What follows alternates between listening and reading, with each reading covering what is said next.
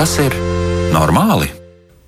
Esiet sveicināti! Kā ik katru svētdienu atkal esam klāt, lai jautātu, vai tas ir normāli, attiecinot to uz kādu problēmu, kādu norisi, uz kaut ko tādu, kas ir ar mums pašiem un kas notiek ar mums pašiem. Studijā Kristiāna Lapiņa, bet par skaņu šodien rūpējas Rita Karnača.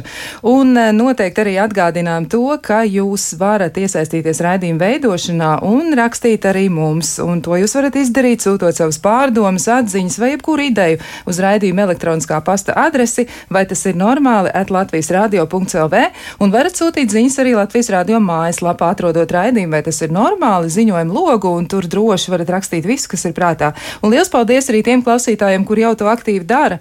Pie tam jūsu piedāvātie temati tiks aplūkoti nākamajos raidījumos vistuvākajā laikā, un jāsaka, ka amplitūda jūsu piedāvātiem tematiem ir patiesi plaša un vistiešākajā veidā tie attiecas uz psihisko veselību. Bet tas, ko šodien mēģināsim izpētīt, ir autiskā spektra traucējumi. Kas tad īsti ir, kā ar to sadzīvot un ko vajadzētu zināt mums pārējiem, lai mēs labāk izprastu cilvēkus ar tik savā ziņā neparastu. Uh, nu, kā lai saka, pat dāvanu no vienas puses raugoties, ja, jo ļoti bieži cilvēki ar autiskā spektra traucējumiem ir arī ļoti, ļoti apdāvināti. Un lai autismu un autiskā spektra traucējumus varētu komentēt un izpētīt cīk un smalki, mēs esam aicinājuši raidījumā piedalīties viešņas, un tā ir Līga Bērziņa, Latvijas autismu apvienības vadītāja. Sveicināta! Labvakar! Vēl esam aicinājuši arī ciemos Lauru Čeveri, certificētu bērnu psihiatri un psihiatri pašos pamatos, ja, un vēl arī uh, medicīnas doktori, un uh, man šķiet arī, ka bērnu klīniskās slimnī, universitātes uh, slimnīcā arī Laura Čevere vada veselu, nu, divīziju, var teikt, varbūt, ka to arī var precizēt klausītājiem. Jā, virsārsts, labvakar. virsārsts, nu, tas nozīmē, ka visi, visi ārsti klausa gandrīz vai tā. Gandrīz. Gandrīz, jā. Un uh, vēl esam aicinājuši arī sarunā piedalīties Līgu Vasaru Brakmani uh, ar savu pieredzi stāstu un arī ar savām idejām par to, kā tad, uh, kā tad ir, kā, kā dzīvē lietas notiek. Sveicināti, Līga! Labvakar! Nu, ko tad varbūt mēs varam sākt arī pirmo jautājumu uzdodot tieši Līgai, Vasarai Brakmanai. Man gribētos jautāt uzreiz jums, bet eh, kā jums liekas, kas ir tas, ko cilvēki zina un ko nezina par autismu, jeb ko viņiem vajadzētu zināt, un kā jums liekas, kas ir tas, ko viņi zina pārāk maz? Nu, man liekas, ka cilvēkiem visticamāk ir iespējas par autismu tāds, kāds viņš ir no televīzijas, no filmām. Un filmās tas iespējas ir ļoti tāds vienpusējs, ka tie ir, tie ir vīrieši, tie ir puiši, ka viņi ir ļoti tādi uh, neemocionāli, ļoti uh, strikti, iespējams uh, tādi, kuri nav spējīgi īpaši dzīvot, iedzīvoties sabiedrībā. Un realitāte ir tāda, ka autisms ir uh, ļoti dažāds. Viņš var kombinēties ar garīgu atpalicību un var nekombinēties ar garīgu atpalicību. Viņš var būt puišiem un var būt meitenēm. Un ņemot vērā, ka vidējais biežums ir vismaz viens no simts cilvēkiem, bet visticamāk, ka vēl vairāk, tad visticamāk jūs zinat kādu cilvēku ar autismu, tikai jūs to nezināt un iespējams, ka viņš to nezina. Tā ir ļoti laba definīcija, man šķiet, par to, cik daudz cilvēkiem varētu autisms būt sastopams. Un arī te man jāpiekrīt, jums jau viens no tādiem ļoti zināmiem cilvēkiem, eh, kas pārstāv arī autis, autisma asociāciju, kas ir ar tādu lielāku vārdu un kas darbojas gan Lielbritānijā, gan arī daudzās citās valstīs, tas ir Stefens, Stefens Šors. Varbūt tā brīvi mēs varētu mēģināt iztulkot viņu vārdu un uzvārdu. Un viņš ir teicis, ja jūs zinat vienu personu ar autismu, tad jūs zinat vienu personu ar autismu. Ja jūs, eh, jūs nezināt vairāk. Nu, tas nozīmē, ka jāpiekrīt līga jums eh, tam, ko jūs sakāt, ka tādā gadījumā tad mēs zinām to vienu cilvēku. Bet man uzreiz gribas arī jautāt pie viena, nu, kas vēl varētu būt eh, saistībā ar citu cilvēku attieksmi pret autistiem, kas ir tie jūsu novērojumi vēl, nu, tā tad ir priekšstati, ir stereotipi no tiem kaut kas izriet, bet kas ir tās biežākās lietas, ko cilvēki dara, kas viņiem varbūt nebūtu jādara? Baidās um, viena no lietām, kas ir, ka cilvēki baidās, un līdz ar to ir varbūt arī tā, ka ir bailīgi teikt, uh, man ir autisms vai maniem bērniem ir autisms, jo ir bail, ka tas uzreiz, neteiksim, tas ir bērnu vedot uz kādu vietu, ka iespējams viņš tur vairs nebūs gaidīts, jo cilvēki būs nobaidījušies. Um, tas, ko noteikti arī reizēm nevajag, nu, ja kādam cilvēkam varbūt ar autismu ir uh, um, nu, tā kā gari, garīgs sabrukums, nē, nu, tāda uh, grūtuma, grūtuma brīdis kaut kādā sabiedriskā vietā, nu, noteikti nepalīdz tas, ja kāds nāk klāt un saka, ka, nu, tur uh, kāds nepaklausīgs bērns vai kā nemāk uzvesties vai mm, vedīšu prom. Nu, kā citreiz, ziniet, kā, nu, ļoti labi jau gribot, kā tu saka, nu, kad, ja tu tā neklausīs, tad es tev vedīšu prom no mammas, lai gan tas, tas, nu, tas patiesībā nav tas, kas palīdz. Un savukārt, kas palīdz, jo man ir tāds viens konkrēts piemērs bija, kad mēs braucām uh, trolēbusā Rīgā, un, un ziniet, trolēbus Rīgā tā ir ļoti piebāsta vieta, un, un sevišķi bērniem no laukiem, uh, jebkuram bērnam no laukiem tas būtu daudz, un kur nu vēl bērnam ar autismu. Un mans bērns sāka raudāt, un varēja manīt, ka viņam ir ļoti grūti, un pēkšņi uh, divas tādas jaunas meitenes studentes, viņas teica, man izskatās, ka tev ir grūti, vai tu gribi apsēsties. Un viņas piecēlās un palaida viņu, un nebija nekāda, nu kā te tā, vai ne, tagad pieaugušie stāvēs un bērns sēdēs, bet viņu palaida apsēsties tādā klusākā vietā, kur viņam viens nestumjās virsū, un ar to tas viss arī principā atrisinājās. Un, un tā ir tā lieta, ka Uh, palīdzēt mēs patiesībā varam ļoti vienkārši. Ja kāds ir izskatās apjutis, ja viņam ir vajadzīga palīdzība, mēs varam pavaicāt, vai mēs varam palīdzēt. Bet uh, noteikti tā kā neizturēties ar nosodījumu, jo tas jau nebūs tikai par autismu, jo ir, ir ļoti daudz un dažādi uh, traucējumi un stāvokļi un situācijas, kad kādam ir grūts brīdis, jo mazāk nosodījumu mēs uh, izrādīsim citiem cilvēkiem, manuprāt, jo labāk būs kopumā. Tā gan ir, un šī attieksme noteikti būtu jāmēģina nu, arī īstenot attiecībā uz citām lietām. Pat ja mazais, mazais bērns ir vienkārši noguris, tad, tad droši vien, viņam vajag apsēsties tikpat ļoti kā reizēm arī pieaugušiem. Bet uh, mans nākamais jautājums šajā gadījumā, mm, es gribētu arī jau pievērsties nu, tam, kā tad notiek pasaulē un arī kas ir tas, ko mēs par autismu zinām. Un te es gribu iesaistīt sarunā Lauru Čeveru un jautāt, nu kā tad ir, kas izraisa autismu, jo ļoti daudz dažādas arī spekulācijas par autismu cēloņiem, un arī bieži vien e, cilvēki tā ļoti, ļoti vienkāršot nosauc autismu par slimību, bet tā nav slimība. Nu, vismaz ne, ne tajā klasiskajā izpratnē noteikti nē. Nu, varbūt vispirms, kas vispār ir mm. autisms, kā to varētu definēt, un tad arī varbūt mazliet par cēloņiem. Jā, nu, kā jau jūs teicāt, nu, tās, tas nav kā viena slimība, tie ir autiskā spektra traucējumi, un arī, kā iepriekš arī Līga teica, viņi var būt ļoti dažādi. Ir, ir pacienti, kas atnāk un uzreiz ir, nu, tā kā pirmajā, pirmajās desmit minūtēs ir skaidrs, ka tur droši vien ir autiskā spektra traucējumi, jo, nu, praktiski visi simptomi, ko stāsta vecāki, kā bērns uzvedās, ir skaidrs, ka tas tā ir. Bet ir tādi cilvēki, kuriem ir tikai kaut kas Ja, ka kaut kāda atsevišķi, atsevišķas lietas, atsevišķas grūtības, kas viņiem ir, ir sabiedrībā, ja, un, un tas nebūtu nav tā, ka uzreiz pirmajā tikšanas reizē mēs varētu saprast, ka, ka nu, šeit būs, būs autiskā spektra traucējumi. Nu, droši vien tā kā es to uh, saprotu, un kā es arī parasti vienmēr stāstu studentiem un visiem pārējiem, ka uh, nu, autiskā spektra traucējumi tie pirmkārt ir tādas sociālās funkcionēšanas traucējumi. Tās ir kaut kādas grūtības cilvēkam eh, saprast varbūt to situāciju, kādā viņš atrodas, citu cilvēku emocijas, kaut kādas pieņemtās normas, ko varbūt mēs pat sabiedrībā nepārunājam, bet visi pieņemam, nu, ka, ka tas tā ir un mēs visi tā darām. Ja? Bet, eh, bet šiem bērniem un, un, un, un arī pieaugušiem viņiem var būt tas grūti. Ja? Bet, nu, protams, kad arī iepriekš, kā jau Līga teica, var būt dažādi. Ja, var būt tādi, varbūt tie cilvēki ar autiskā spektra traucējumiem, kuriem ir arī kāda garīgās uh, problēmas, ja, garīgās atpalicības veidā, tā tad nu, intelekta līmenis ir pazemināts, uh, bet ļoti liela daļa no, no, no cilvēkiem, kuriem ir autiskā spektra traucējumi, viņiem intelektam nav nu, nekādu traucējumu, ja, vai viņiem pat intelekts varbūt arī no augstāks nekā varbūt vidēji Latvijas iedzīvotājiem. Uh, nu, un, protams, daudz citas lietas. Jā, arī teiksim, nu, tas tāds sensors jūtīgums, kas izpaužās gan tas, ka nepatīk varbūt atsevišķas skaņas, smaržas, apģērba tekstūras, pieskārieni, ja, kā jau teica, pārpildītās pār, pār, pārpildītos transportos, kaut kādos publiskos pasākumos. Ja, kad, ja, ja mums varbūt arī ne visiem patīk, kad kāds grūžās virsū, bet mēs to tā neizjūtam tik asi, ja, tad cilvēkiem ar autiskā spektra traucējumiem tas var būt ļoti, ļoti traucējoši un tiešām tas var izraisīt tādas. Nu, ļoti spilgtas emocionālas reakcijas, kas no apkārtējiem šķiet, ka, nu, nu, kas notiek, ja? kāpēc tas bērns, teiksim, neprot uzvesties. Ja?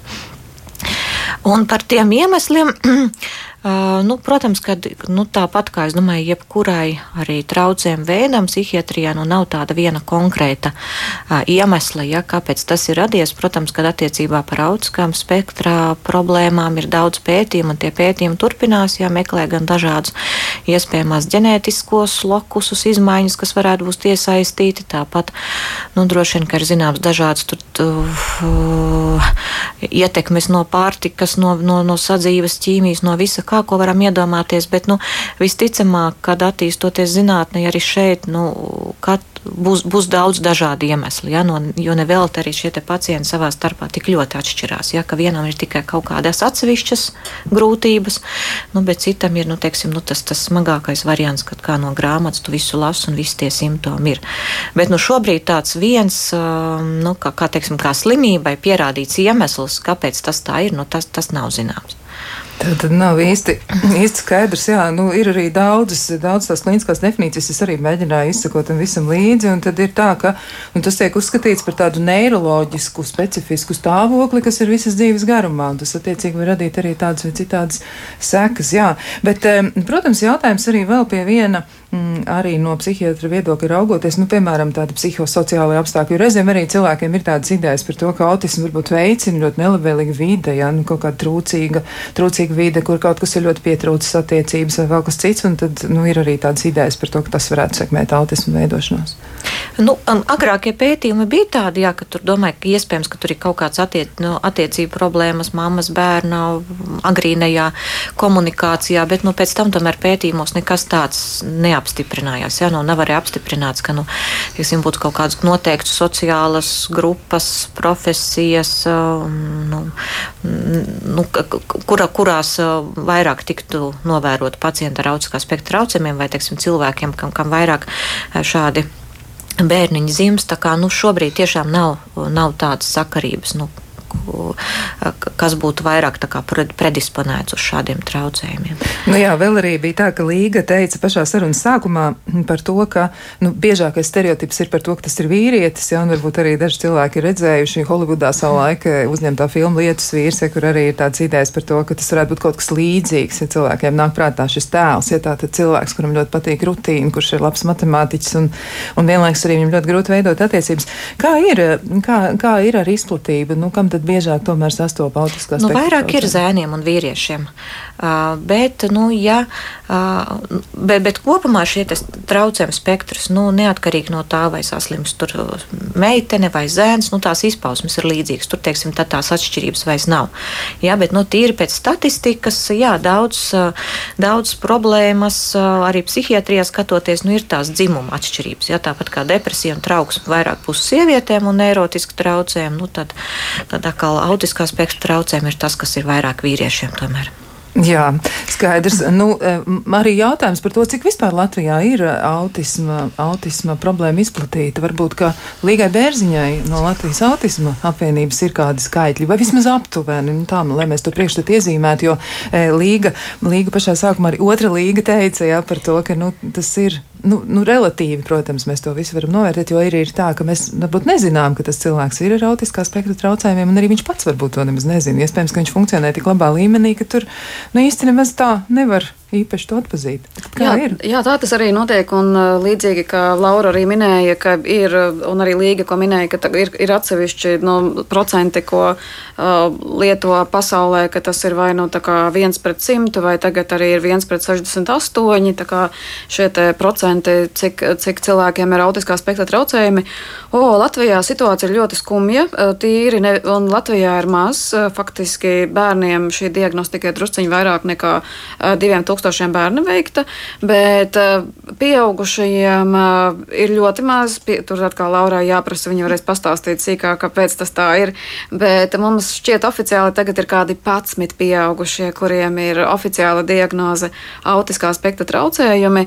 Un tas nav tāpēc, ka Latvija būtu kaut kāda absolūti unikāla valsts pasaulē un mēs būtu ļoti veselīgi.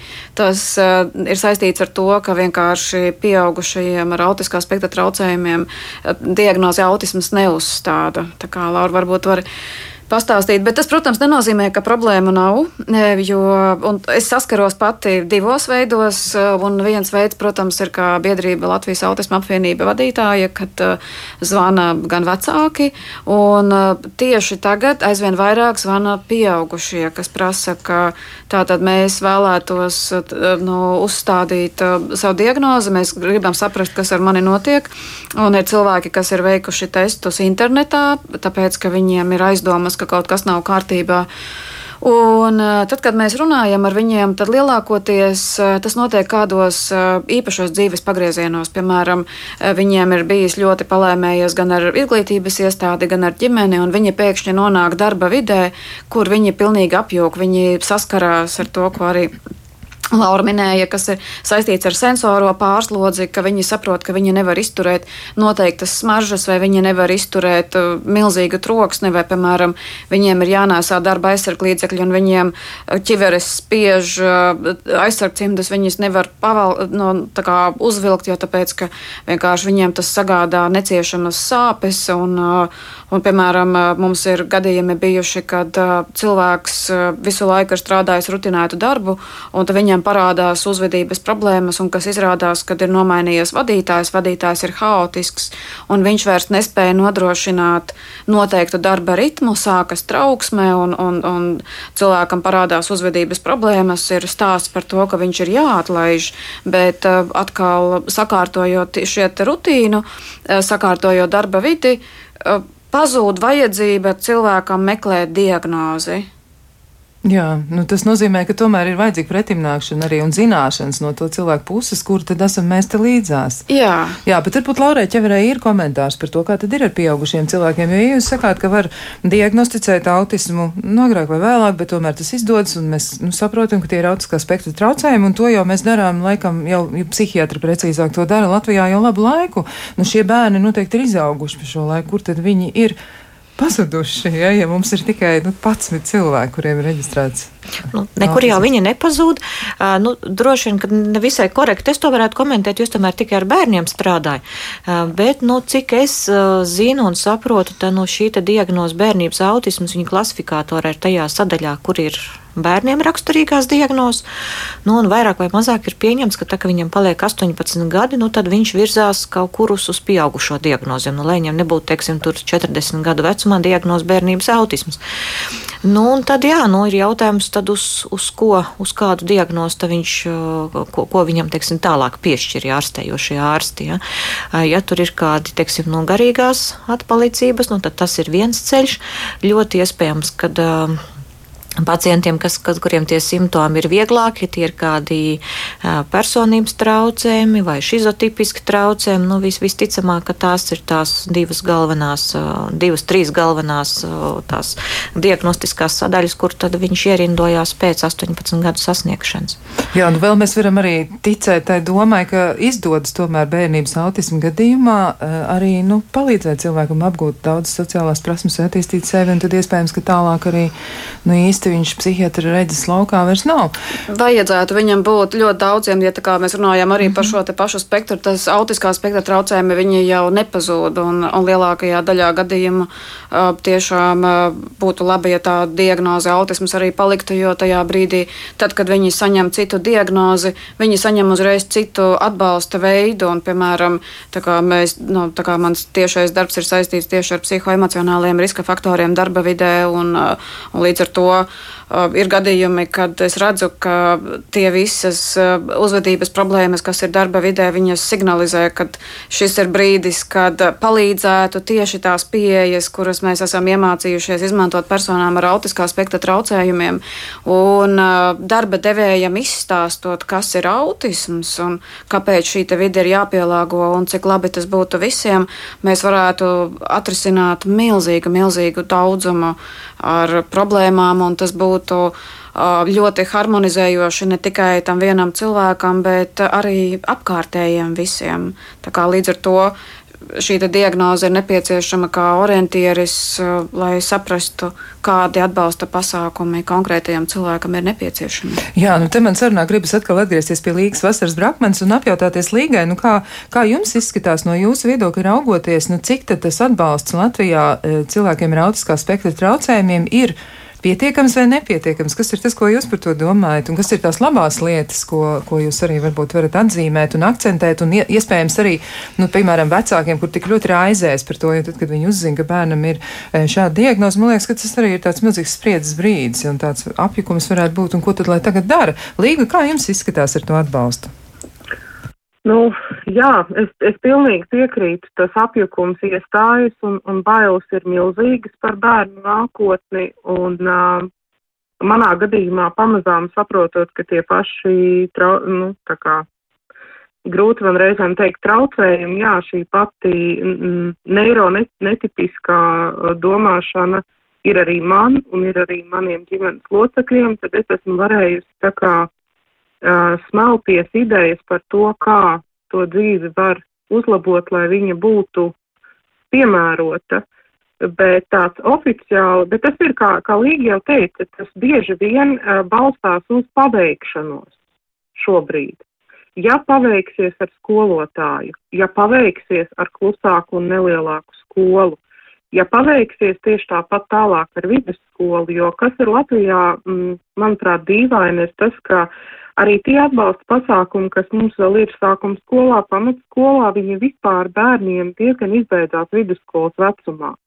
Tā skaitā ar disleksiju, tā skaitā ar kaut kādām atvieglinātām programmām vai, vai īpašākiem noteikumiem, tas viss diezgan izbeidzās vidusskolā, un tāpat tā nav augstskolā.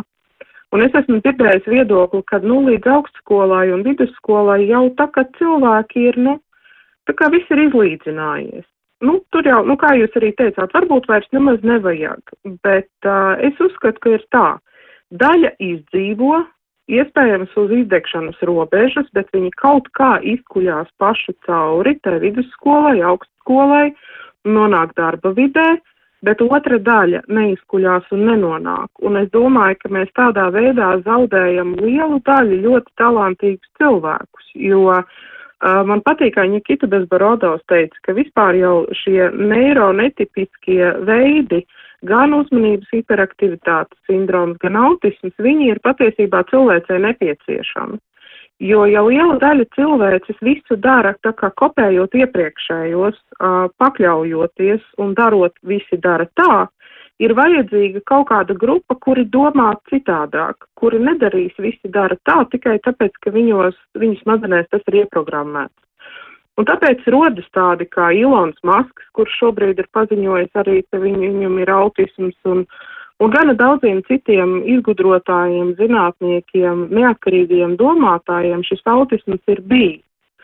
Un uh, viņš ir līdz ar to nepieciešams arī tādā ziņā, ka tieši no šiem cilvēkiem nāk tās trakākās idejas, kas palīdzēs bīdīt uh, cilvēci uz priekšu, bet mēs viņus varam zaudēt, ja mēs noteiktā brīdī arī izglītības sistēmā nepamanīsim viņu vajadzības un viņi vienkārši kaut kur izkritīs uh, nu, un aizies strādāt kaut kādu ļoti vienkāršu darbu, kur nav tā kā mm, jāpiepūles, nav kontakta ar cilvēkiem, kur viņi neizdegs, bet to potenciāli mēs būsim zaudējuši. Un tālāk tas pats ir eh, darba vidē. Eh, kad mēs bijām apmaiņas braucienā Polijā, man ļoti patika arī uh, Polijas universitātes stāsts par to, kā viņiem ir šie mentori, kuri palīdz, kuri seko līdzi kuri palīdz arī lektoriem saprast, kāds var būt atvieglojums, kādā kā, šāda veida studentam ir vajadzīgs, lai viņš studijas nepamat vienkārši tāpēc, ka viņš netiek galā ar kaut kādu vai nu sensoru jautājumu, vai, vai viņš vienkārši ir kaut kur uzkāries uz kaut kādu praktisko lietu, ko viņš nevar pārvarēt uh, savas domāšanas pēc. Un, ja viņam to palīdz, viņš atkal ir spējīgs ļoti labi mācīties. Tā kā tās ir lietas, ko pateicoties arī līgas darbam un autismu apvienības darbam Latvija uh, liek solīti pa solītim. Ja mums puslīdz šobrīd izdodas sakārtot tās lietas, kas ir saistītas ar uh, mazajiem bērniem, tad mums vēl ir ļoti liela soļa ejami uh, saistībā ar lielākiem cilvēkiem, jo es domāju, ka arī es noteikti nebūtu tikusi galā ar augstāko izglītību, ja man nebūtu paveicies mācīties Ventspils augstskolā tās pirmajā gadā, uh, kad man kursā bija 20 cilvēki. Uh, visās, visā augstskolā bija simts studenti un pasniedzēji zināja katru vārdā. Un pirmajā gadā man ļoti palīdzēja izprast studiju procesu, atrisināt kaut kādas lietas, un tālāk es jau spēju tikt galā pati. Ja es būtu tobrīd nokļuvusi vienkārši Latvijas universitātē kā viens no tūkstošiem, es nezinu, es nezinu, vai man būtu izdevies pašai bez tāda, nu, tāda pasniedzēju atbalsta, izkulties cauri un tikt ar to galā. Tā kā tur ir daudz ko vēl darīt. Jā, noteikti mēs arī pārunāsim par to, ko vēl var darīt, bet uh, atcaucoties arī nu, pat uz jūsu izteikumu par to, kā tad ir ar tiem cilvēkiem, kas virza progresu, man tomēr gribas dažus no šiem cilvēkiem minēt, un es domāju, ka arī klausītāji atminēs dažus no viņiem, varbūt arī kāds ir uh, savā ziņā tūs, piemēram, Aizeks Zīmovs, Krievijā dzīves ebreja izcelsmes amerikāņu bioķīmiķis un arī ļoti populārs rakstnieks. Jūs atceraties, viņš ir sarakstījis grāmatu Es robots, un tā ir ļoti, ļoti slavena grāmata. Manuprāt, e, tur lasīju ļoti daudz cilvēku visā pasaulē, viņš, starp citu, ir rediģējis vairāk nekā 500 grāmatas, un arī ļoti, ļoti ražīgs bijis kā rakstnieks, un redz, kur arī viņam ir, ir nu, šī problēma savā ziņā bijusi kādu laiku aktuāla, bet pēc tam viņš ir varējis savu autismu izmantot. Jā, un vēl arī gribu pieminēt dažus cilvēkus. Nu, ir tāds baumas, ka Budijam Alenam arī ir autisms. Jā. Savukārt e, Denam Ekroidam tas ir e, absolūti skaidri pierādīts. Vēl ir baumas par Čārlzu Darvinu, e, Tomasu Edisonu un arī par Albertu Einsteinu. Tur laikam ir par Asperger sindromu, kur arī mēs šodien vēl pieminēsim. E, vēl ir baumas, ka Alfredam Hitchcockam ir bijis, e, bet savukārt Kortnī Marijai Lovai, varbūt jūs atceraties, jā, grupa Nirvana un ļoti, ļoti slavenais solists, un viņa dzīves biedrene, viņai ir diagnosticēts eh, autisms. Un vēl starp citu runājot par kādiem citiem cilvēkiem. Lainels Messi, jā, jūs zinat šo cilvēku, jā, viņš ir ļoti, ļoti e, slavens arī savā jomā, e, nu, sportā šajā gadījumā, un Lainelam Messi arī ir tāds baumas, ka viņam arī ir e, autisms, viņš gan laikam nav īpaši centies to pats sev apliecināt, bet, nu, ir tāds domas, ka tā varētu būt, un arī Steve's Jobs, nu, katrā ziņā ļoti, ļoti plaša kompānija, un patiesi visi šie cilvēki, sākot no pirmās formulas un beidzot, es nezinu, ar, ar, ar atklājumiem zinātnē, patiesi liekas, ka šie cilvēki tiešām virs progresu, bet mēs mēs eh, sarunu turpināsim burtiski pēc maza, maza brītiņa.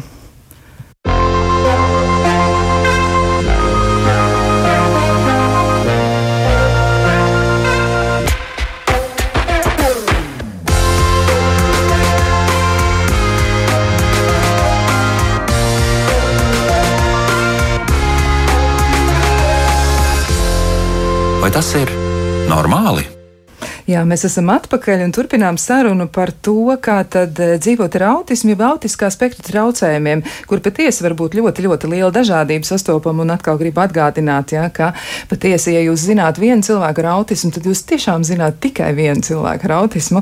Un uh, vēl gribu atgādināt um, pāris aktuālas lietas. Mēs raidījuma laikā atbildām uz jūsu jautājumiem. Jau ir, ir uh, arī jautājumi mums ziņojuma logā redzami un mēģināsim tos arī uzdot un vienlaikus arī atrast atbildes, bet uh, gribu gribu atgādināt arī to, ka joprojām mēs aicinām pieteikties podkāstam, vai tas ir normāli. Un šajā gadījumā podkāsta galvenais varonis ir jebkurš klausītājs, kuram ir kāda problēma, kāda ideja, ko viņš grib apspriest, vai kaut kas, kas ir saistīts ar psihiskās veselības jautājumiem vai dzīves kvalitāti kopumā. Un eh, jums ir iespēja pieteikties, sūtot eh, savu ziņu uz adresi, vai tas ir normāli atlatvijas radio.lv, un mēs ar jums noteikti sazināsimies. Bet atgriežoties pie raidījuma temata šodien, atgādināšu, ka mēs runājam par autiskā spektra traucējumiem, un atgādināšu arī par ekspertiem, kas ir studijā. Un tie ir Līga Bērziņa Latvijas autisma apvienības vadītāja, Laura Čevera, certificēta bērnu psihiatra, medicīnas doktora un Līga Vasara Brakmane, kura mums ir iesaistījusies raidījumā ar pieredzi stāstu.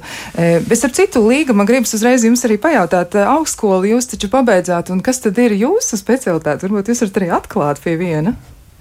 Jā, man, man tās specialitātes ir visnotaļ daudzas. Uh, pirmā izglītība man ir, es esmu angļu un krievu valodas tulks. Pēc tam es esmu mainījusi specialitāti, pielāgojoties darbām un, un mācījusies uh, uzņēmēju darbību. Uh, tālāk esmu kļuvusi par dūlu un zīdīšanas konsultanti, un šobrīd esmu psiholoģijas students. Tā kā mana dzīve ir iegrozījusies tā, ka es turpinu mācīties un, un turpinu iet uh, arvien jaunus ceļus, kas ar citu arī ir savā ziņā autismu iezīme. Uh, Ja kāda joma vai kaut kas dzīvē ļoti interesē, tad ir liela spēja hiperfokusēties uz to un arī, nu, tā kā panākt rezultātu. Vienīgais, ko es gribēju piebilst, ir, ka es šobrīd vairāk runāju tā par, par tiem cilvēkiem, kur mācās augstskolās un kuri ir ar, ar normālu intelektu, bet, protams, ka atbalsts ir nepietiekams arī tajos variantos, kur uh, ir vēl papildus citas grūtības un kur ir um, garīga atpalicība, jo, protams, kā arī šajā variantā, beidzoties bērnu vecumam un beidzoties tam laikam, ko var pavadīt pēc skolās, arī dienas centri ļoti trūkst un līdz ar to šie bērni paliek kā tā kā mūžīgie bērni kopjami mājās, lai gan principā ģimenēm vajadzētu doties savos darbos un šiem cilvēkiem vajadzētu doties uz dienas centriem, kur viņi varētu tomēr laiku pavadīt pilnvērtīgi. Tā kā arī tas novirziens, protams, pieaugušo vecumā pietrūkst. Jā, tā tas ir. E, bet, e, nu, vēl gribas arī mazliet atgriezties pie, pie sākuma. Tajā nozīmē, ka tomēr varbūt ir vērts mazliet parunāt par to, kā tad autisko spektru vispār var atpazīt, jo e, Laura Čever jau izstāstīja, nu, kas ir tās iezīmes, kuras mēs varam atpazīt šajos cilvēkos, bet tomēr, kam vajadzētu pievērst uzmanību un varbūt vecākiem vajadzētu par to sākt domāt, jo tad, kad viņi vēro savu bērnu, reizē viņi intuitīvi uzķer, ka kaut kas īsti nav tā kā vajag, bet kam noteikti būtu jāpievērš uzmanība? Jā, nu, droši vien, ka vieglāk ir tiem vecākiem, kuriem tas bērniņš nav pirmais, ja, ja viņiem ir jau pieredze ar, ar, ar, ar, ar kādu vecāko bērnu vai randu bērniem. Nereti tāds māmas jau pirmā gada laikā ievēro, ka kaut kas attīstās ne tā.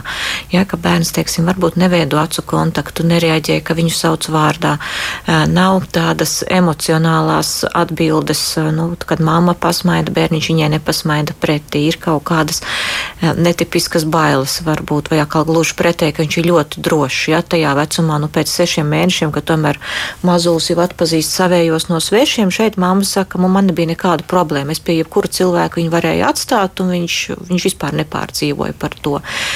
Uh, protams, ka nu, tāds ļoti nu, slikts un brīst, bīstams uh, rādītājs, ko parasti vienmēr arī droši, gan, gan kliniskie psihologi, gan ārsts saka, ja kaut kādā brīdī kā notiek attīstības apstāšanās vai regress, uh, kad, kad to, ko bērniņš ir pratis, viņš, viņš aizmirst. Ja? Vai, ir, vai tas ir runas attīstība, vai tās ir tādas rotaļas, ja, kas jau ir tādas varbūt. Um, um, pilnvērtīgākas, ja lomu spēles, kad viņš sāk spēlēt, jau ir kaut kādas atdarināšanas darbības. Un tā šī rotaļa aktivitāte paliek ļoti tāda vienveidīga, vienkārši tas ir kaut kāda, nu, tādu skaņu radīšana, šķirošana pēc krāsām, likšana rindiņās, ja, bet nu nav vairs, nu, nekā, nekāda sižeta tajās spēlēs. Um, nu, tāpat arī valodas regress. Ja, ja, ja, ja, ja, ja bērns no sākuma ir sācis teikt kādus vārdiņus, un visticamāk nu, tas ir kāda gada, pusotra gada vecumā, tā ka viņš pārstāja kaut ko teikt, ja, vai paliek kaut kāds atsevišķs skaņas zilbes.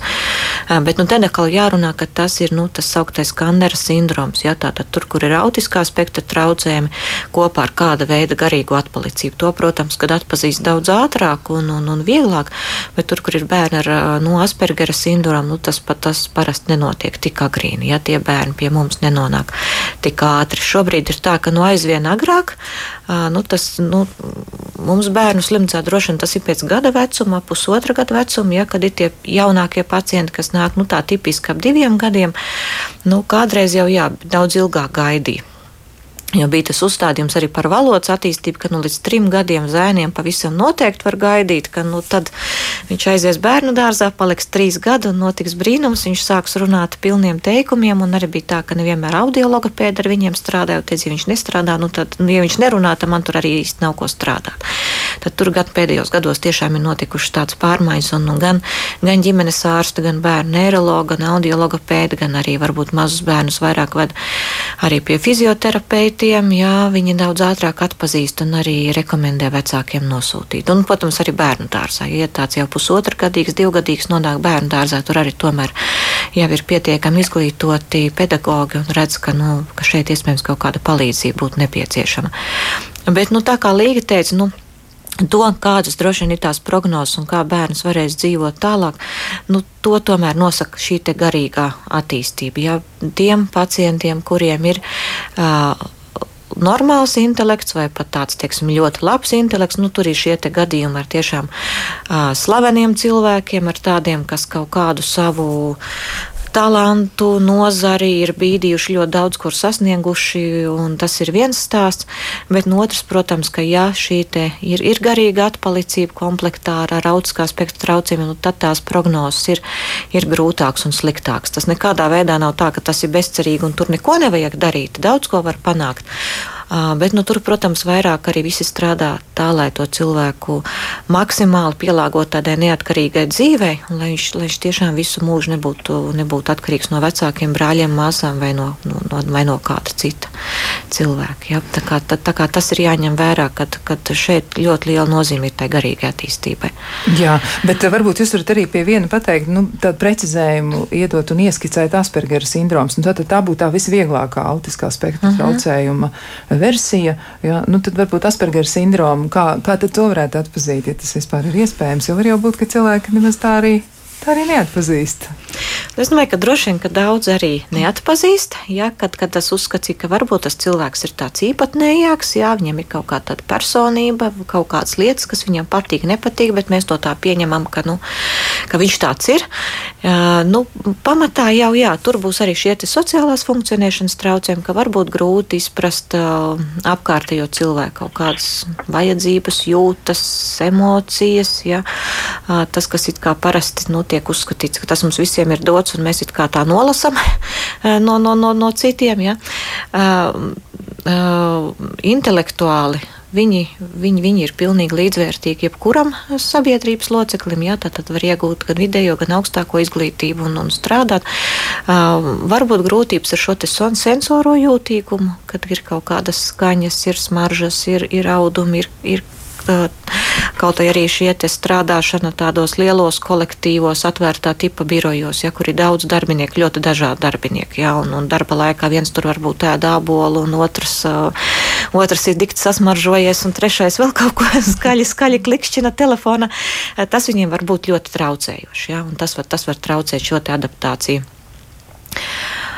Um, ko es aizmirsu? Jā, līga. Jā, jā, nu, līga grib. Līga. Līga uzreiz ir iesaistījusies. Es slim, jā, jā, jā. Vienu, jā, lūdzu, runājiet.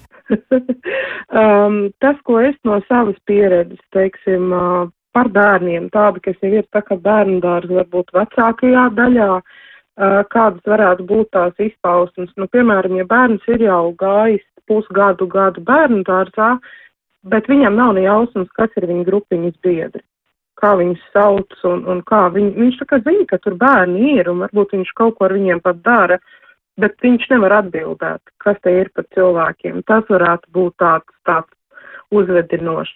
Vai tas, ka bērns mēģina draudzēties, bet ļoti, ļoti bieži tas viss beidzās ar konfliktiem. Nu, tā kā uh, Un viņam ir sajūta, ka viņam dara pāri, bet tā visa nu, ļoti, ļoti draudzēšanās atkal un atkal beidzās ar kādiem kašķiem vai kautiņiem. Ja bērns ļoti, ļoti uh, pārmērīgi reaģē, uh, ja ir kaut kādas pārmaiņas, nu, teiksim, vienmēr mums trešdienās ir mūzika, šodien mūzikas skolotāja ir saslimusi. Nu, pārējiem bērniem varbūt būs, oh, nu, bēdīgi, vai, vai cik labi, ka nav mūzika, bet ja Ja jūsu bērns vienmēr krīt gar zemi un viņam tā ir tā kā pasaules gals, ka kaut kas ir izmainījies, tā arī var būt pazīme. Un, ja bērnam ir tādas ļoti savas intereses, un viņš runā nevis ar jums par tām interesēm, bet, kā mēs reizēm sakam, runā virsū. Nu, viņš arī kaut kādā jubilejā var nosēsties blakus kādam un divas stundas no vietas runāt par dinozauriem vai par vilcieniem vai par um, ponijiem vai vienalga kāda būtu šī interese, bet viņam tā kā neinteresē, ko tas otrs cilvēks pat atbild. Un, protams, ka atsevišķi katra no šīm lietām neko nenozīmēs, un pat visas viņas kopā ņemtas vēl nenozīmēs, ka tas ir Aspergera sindroms. Bet, ja ir šādas pazīmes, tad tas varētu, jebkurā gadījumā, ja bērnam ir ļoti grūti pieņemt izmaiņas vai ļoti grūti draudzēties, noteikti tik un tā nāks par labu, ja jūs strādāsiet ar kādu psihologu, kas bērnam palīdzēs tikt ar to galā un apgūt šīs prasmes kā iedraudzēties, un šeit brīnišķīgi strādā uzvedība LV, gan semināri, gan spēles, gan metodas, kas ir jau, nu, tā, neatkarīgi no tā, vai tas ir autisms vai nav, vai tur vajag diagnozi vai nevajag, bet katrā ziņā šādas pazīmes ir, nu, tad vecāki var mēģināt ar, ar šīm jau uzvedību vai metodēm tam bērnam palīdzēt, vai arī pa, ņemt palīgā bērndārs psihologu vai kādu citu psihologu.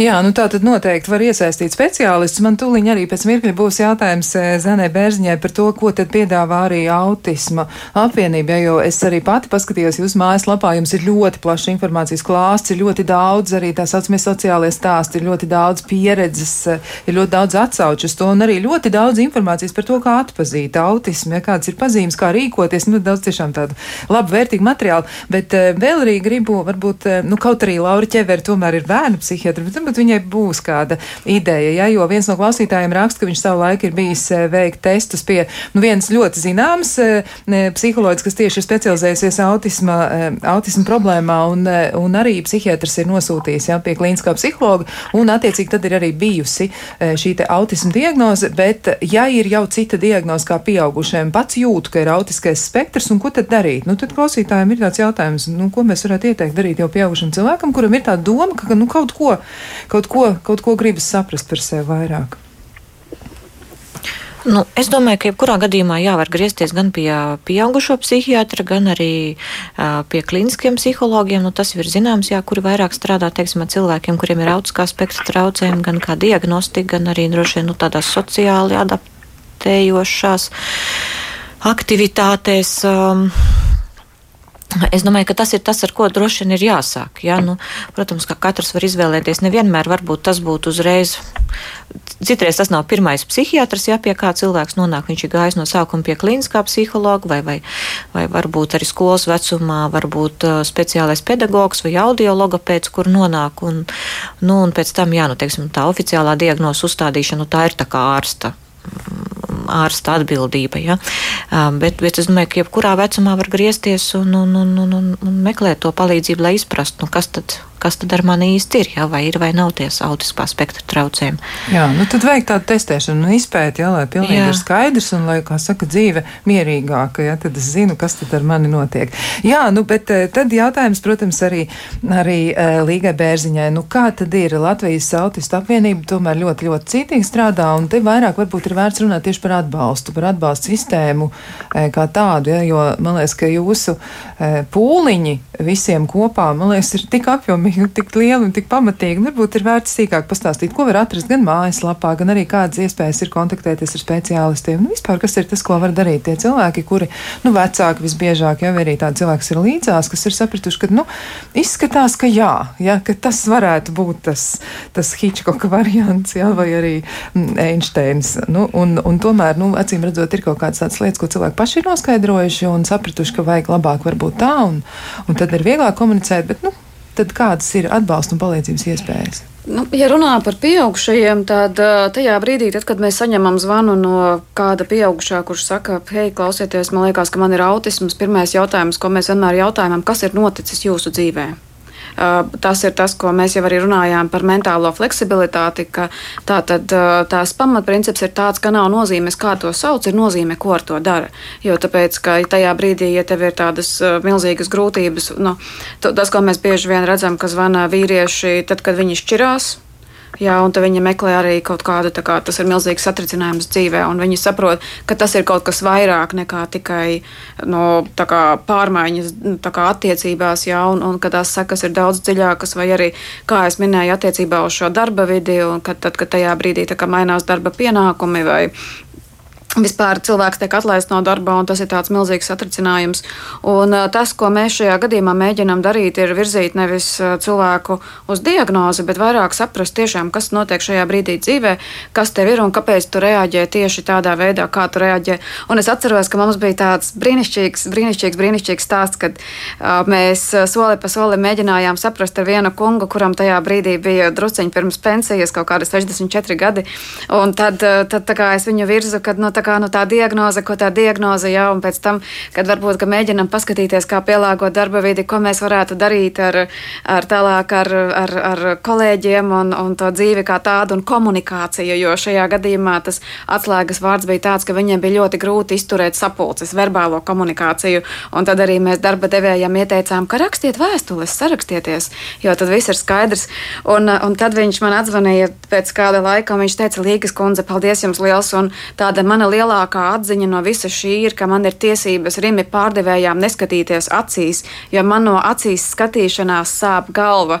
Un faktiski šajā gadījumā tādas, eh, no, zinām, optiski nelielas pārmaiņas viņas izmainīja no cilvēka dzīvi, kurš visu dzīvi ir domājis, ka ar viņu kaut kas nav kārtībā, un apkārtējie viņam ir visu laiku stāstījuši, cik viņš ir pilnīgi jocīgs un savādāks. Un tad nākamais, ko mēs arī mēģinām darīt, un ko mēs, mēs mēģinām komunicēt ar pašiem jauniešiem, pieaugušajiem bērniem ar autismu, ka uh, nav tā kā, ka vecāki saka, kad viņi man zvana, viņi saka, līga, tā kā mums bērnam ir autisms, kur ir viņa superspējas. Un tad es viņiem skaidroju, nu, ka tā tas nenotiek un, un ka šādi gadījumi ir. Bet, bet kā jau Līga sarunā minēja, ka bieži vien tas ir tāds mīts, kurš noved arī pie depresijas un tādas krišanas e, izmisumā. Bet viņiem ir kādas īpašas spējas, piemēram, atkal minot to pašu darba vidi, jo, jo šajā gadījumā es parunāšu par to, jo mēs arī sākām sarunā, ka jautājums ir, kas ir pēc tiem 18, kas notiks, tad, kad vecāki vairs nav blakus. Un mums, piemēram, ir viena kundze, viņa ir autiskā spektra traucējuma, viņa, viņa ir noliktavas pārzine, un viņa ir tāda, viņa ir pilnīgi cita. Liksies, ka viņa ir neciešama jau tāpēc, ka viņa ir ļoti stingra, ļoti asa, ļoti skarba. Bet tad, kad viņa ieiet iekšā noliktavā, tā ir milzīga noliktava, viņa ar pirmo acu skatienu uzreiz pamana, kas kurā vietā ir izkustināts, kas kurā vietā trūkst. Un faktiski tie veidi, tās sistēmas, ko viņa patur galvā, tas ir kaut kas pilnīgi apbrīnojams. Un, un mēs redzam tādus šos te mazos supervaroņus, pat nevis tādās kaut kaut kādā lielā ģenialitātē, kas, protams, arī ir un tas ir lieliski. Bet eh, pielāgojot vidi, mēs tiešām varam atrast veidus, kā katrs šis bērns, jaunietis un pieaugušais, viņš eh, atgūst ticību sev, un mēs ieraugam viņa vietu, un mēs ieraugam to, ka viņš ir absolūti neaizvietojams tieši tajā vietā, un mums, kā darba devējiem, arī kā kolēģiem, drusciņi jānāk pretī, jo mums visiem ir kaut kādas īpatnības. Un tad, kad mēs panākam pretī, viņi panāk pretī, un tā sadarbība izveidojas fenomenāla.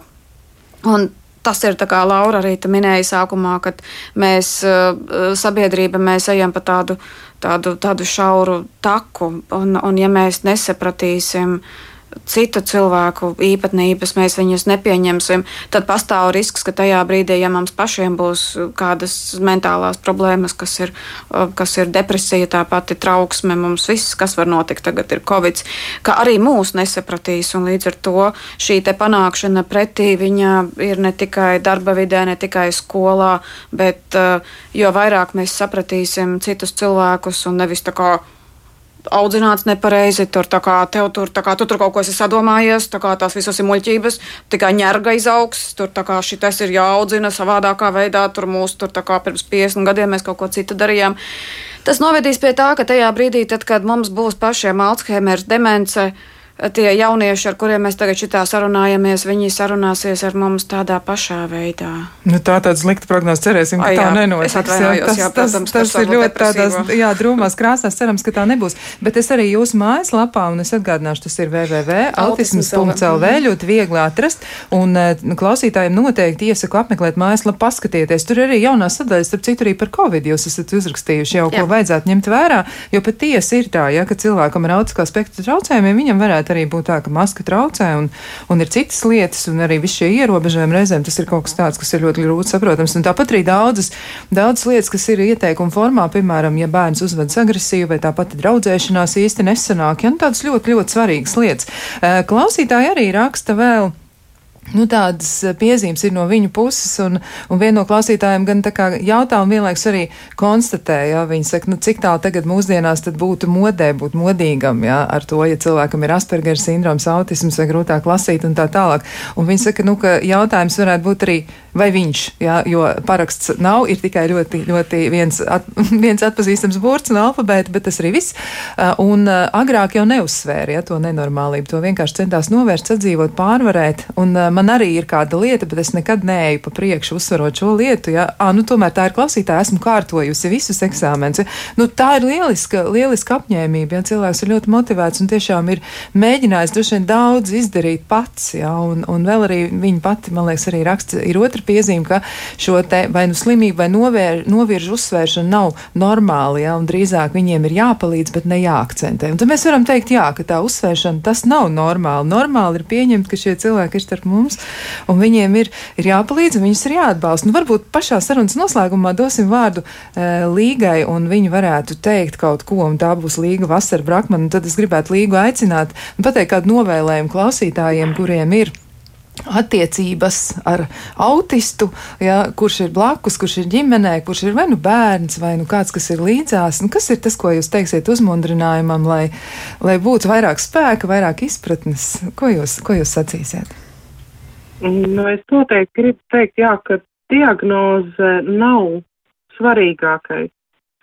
Jo tajā brīdī, kad, piemēram, vecāki uzzina diagnozi, viņiem bieži vien ir sajūta, ka tā kā kaut kas sagrūst, ka viņi zaudējuši ir savu bērnu, to, kur viņi domāja, kurš viņiem ir bet patiesība jau ir tāda, ka bērns vēl joprojām ir tepat, un viņš ir tieši tas pats brīnišķīgais bērns, kurš jums bija pirms jūs uzzinājāt diagnozi. Un uh, tā tikai palīdz izprast atsevišķas lietas, kā labāk sadarboties, kā atvieglot ikdienu, un tāpēc diagnoze nereti ir, pat ja viņa nav oficiāla, bet viņa ir vienkārši saprasta, viņa bieži vien ir palīdzoša pieaugušajiem, jo tas palīdz saprast, kuros jautājumos es varu rīkoties citādāk, un tā ļoti mēdz palīdzēt ģimenēm, jo, ja mēs kādu cilvēku īpašību uzskatām, ka tā ir tāda, nu, nu, ka viņš ļaunprātīgi nesaprot vai ka viņš ir egoists vai kā, bet ja mēs saprotam, ka nē, patiesībā to nosaka viņa smadzeņu darbība, un mums ir varbūt jābūt precīzākiem kādās instrukcijās, tad kopumā sanāk, ka uh, šī ģimenes miedarbība un savstarpējās attiecības tikai un vienīgi uzlabojas no tā, ka mēs zinām to, kas ir, ka mēs varam palasīt informāciju, parunāt ar kādu speciālistu, un tas noteikti nav kaut kāds spriedums, kas uh, uzliek robežas tam, kas var vai nevar būt nākotnē. Jā, noteikti visi nebūs ģēniji, visi nebūs uh, izcili kādā jomā, bet uh, neviens nevar pateikt, kāda ir konkrētā cilvēka robeža, ko viņš var vai nevar izdarīt. Daudz vairāk mēs varam izdarīt, ja mēs esam komanda un ja mēs darbojamies kopā, un to es visiem arī novēlu. Paldies! Tas ir brīnišķīgs novēlējums būt kopā un tiešām e, palīdzēt e, vienam, otram, trešajam un savstarpēji arī mēģināt izprast vienam otru vairāk. Nu, saku paldies šajā brīdī Līgai Bērziņai, Latvijas autisma apvienības vadītājai Laurai Ķeverei, certificētai bērnu psihiatrē, medicīnas doktorai un Līgai Vasarai Brakmanai ar viņas pieredzes stāstu, jūs šodien arī varējāt nu, savā ziņā viņa dalījās, un jūs varētu uzklausīt. Bet klausītājiem saku, jā, mēs tiksimies atkal pēc nedēļas. Šoreiz neteikšu, kāds būs temats nākamajā reizē, tad jau būs e, uzzināsiet, lai maza intriga, un tiksimies pēc nedēļas, lai jums skaists un produktīvs šis laiks. Visu labu!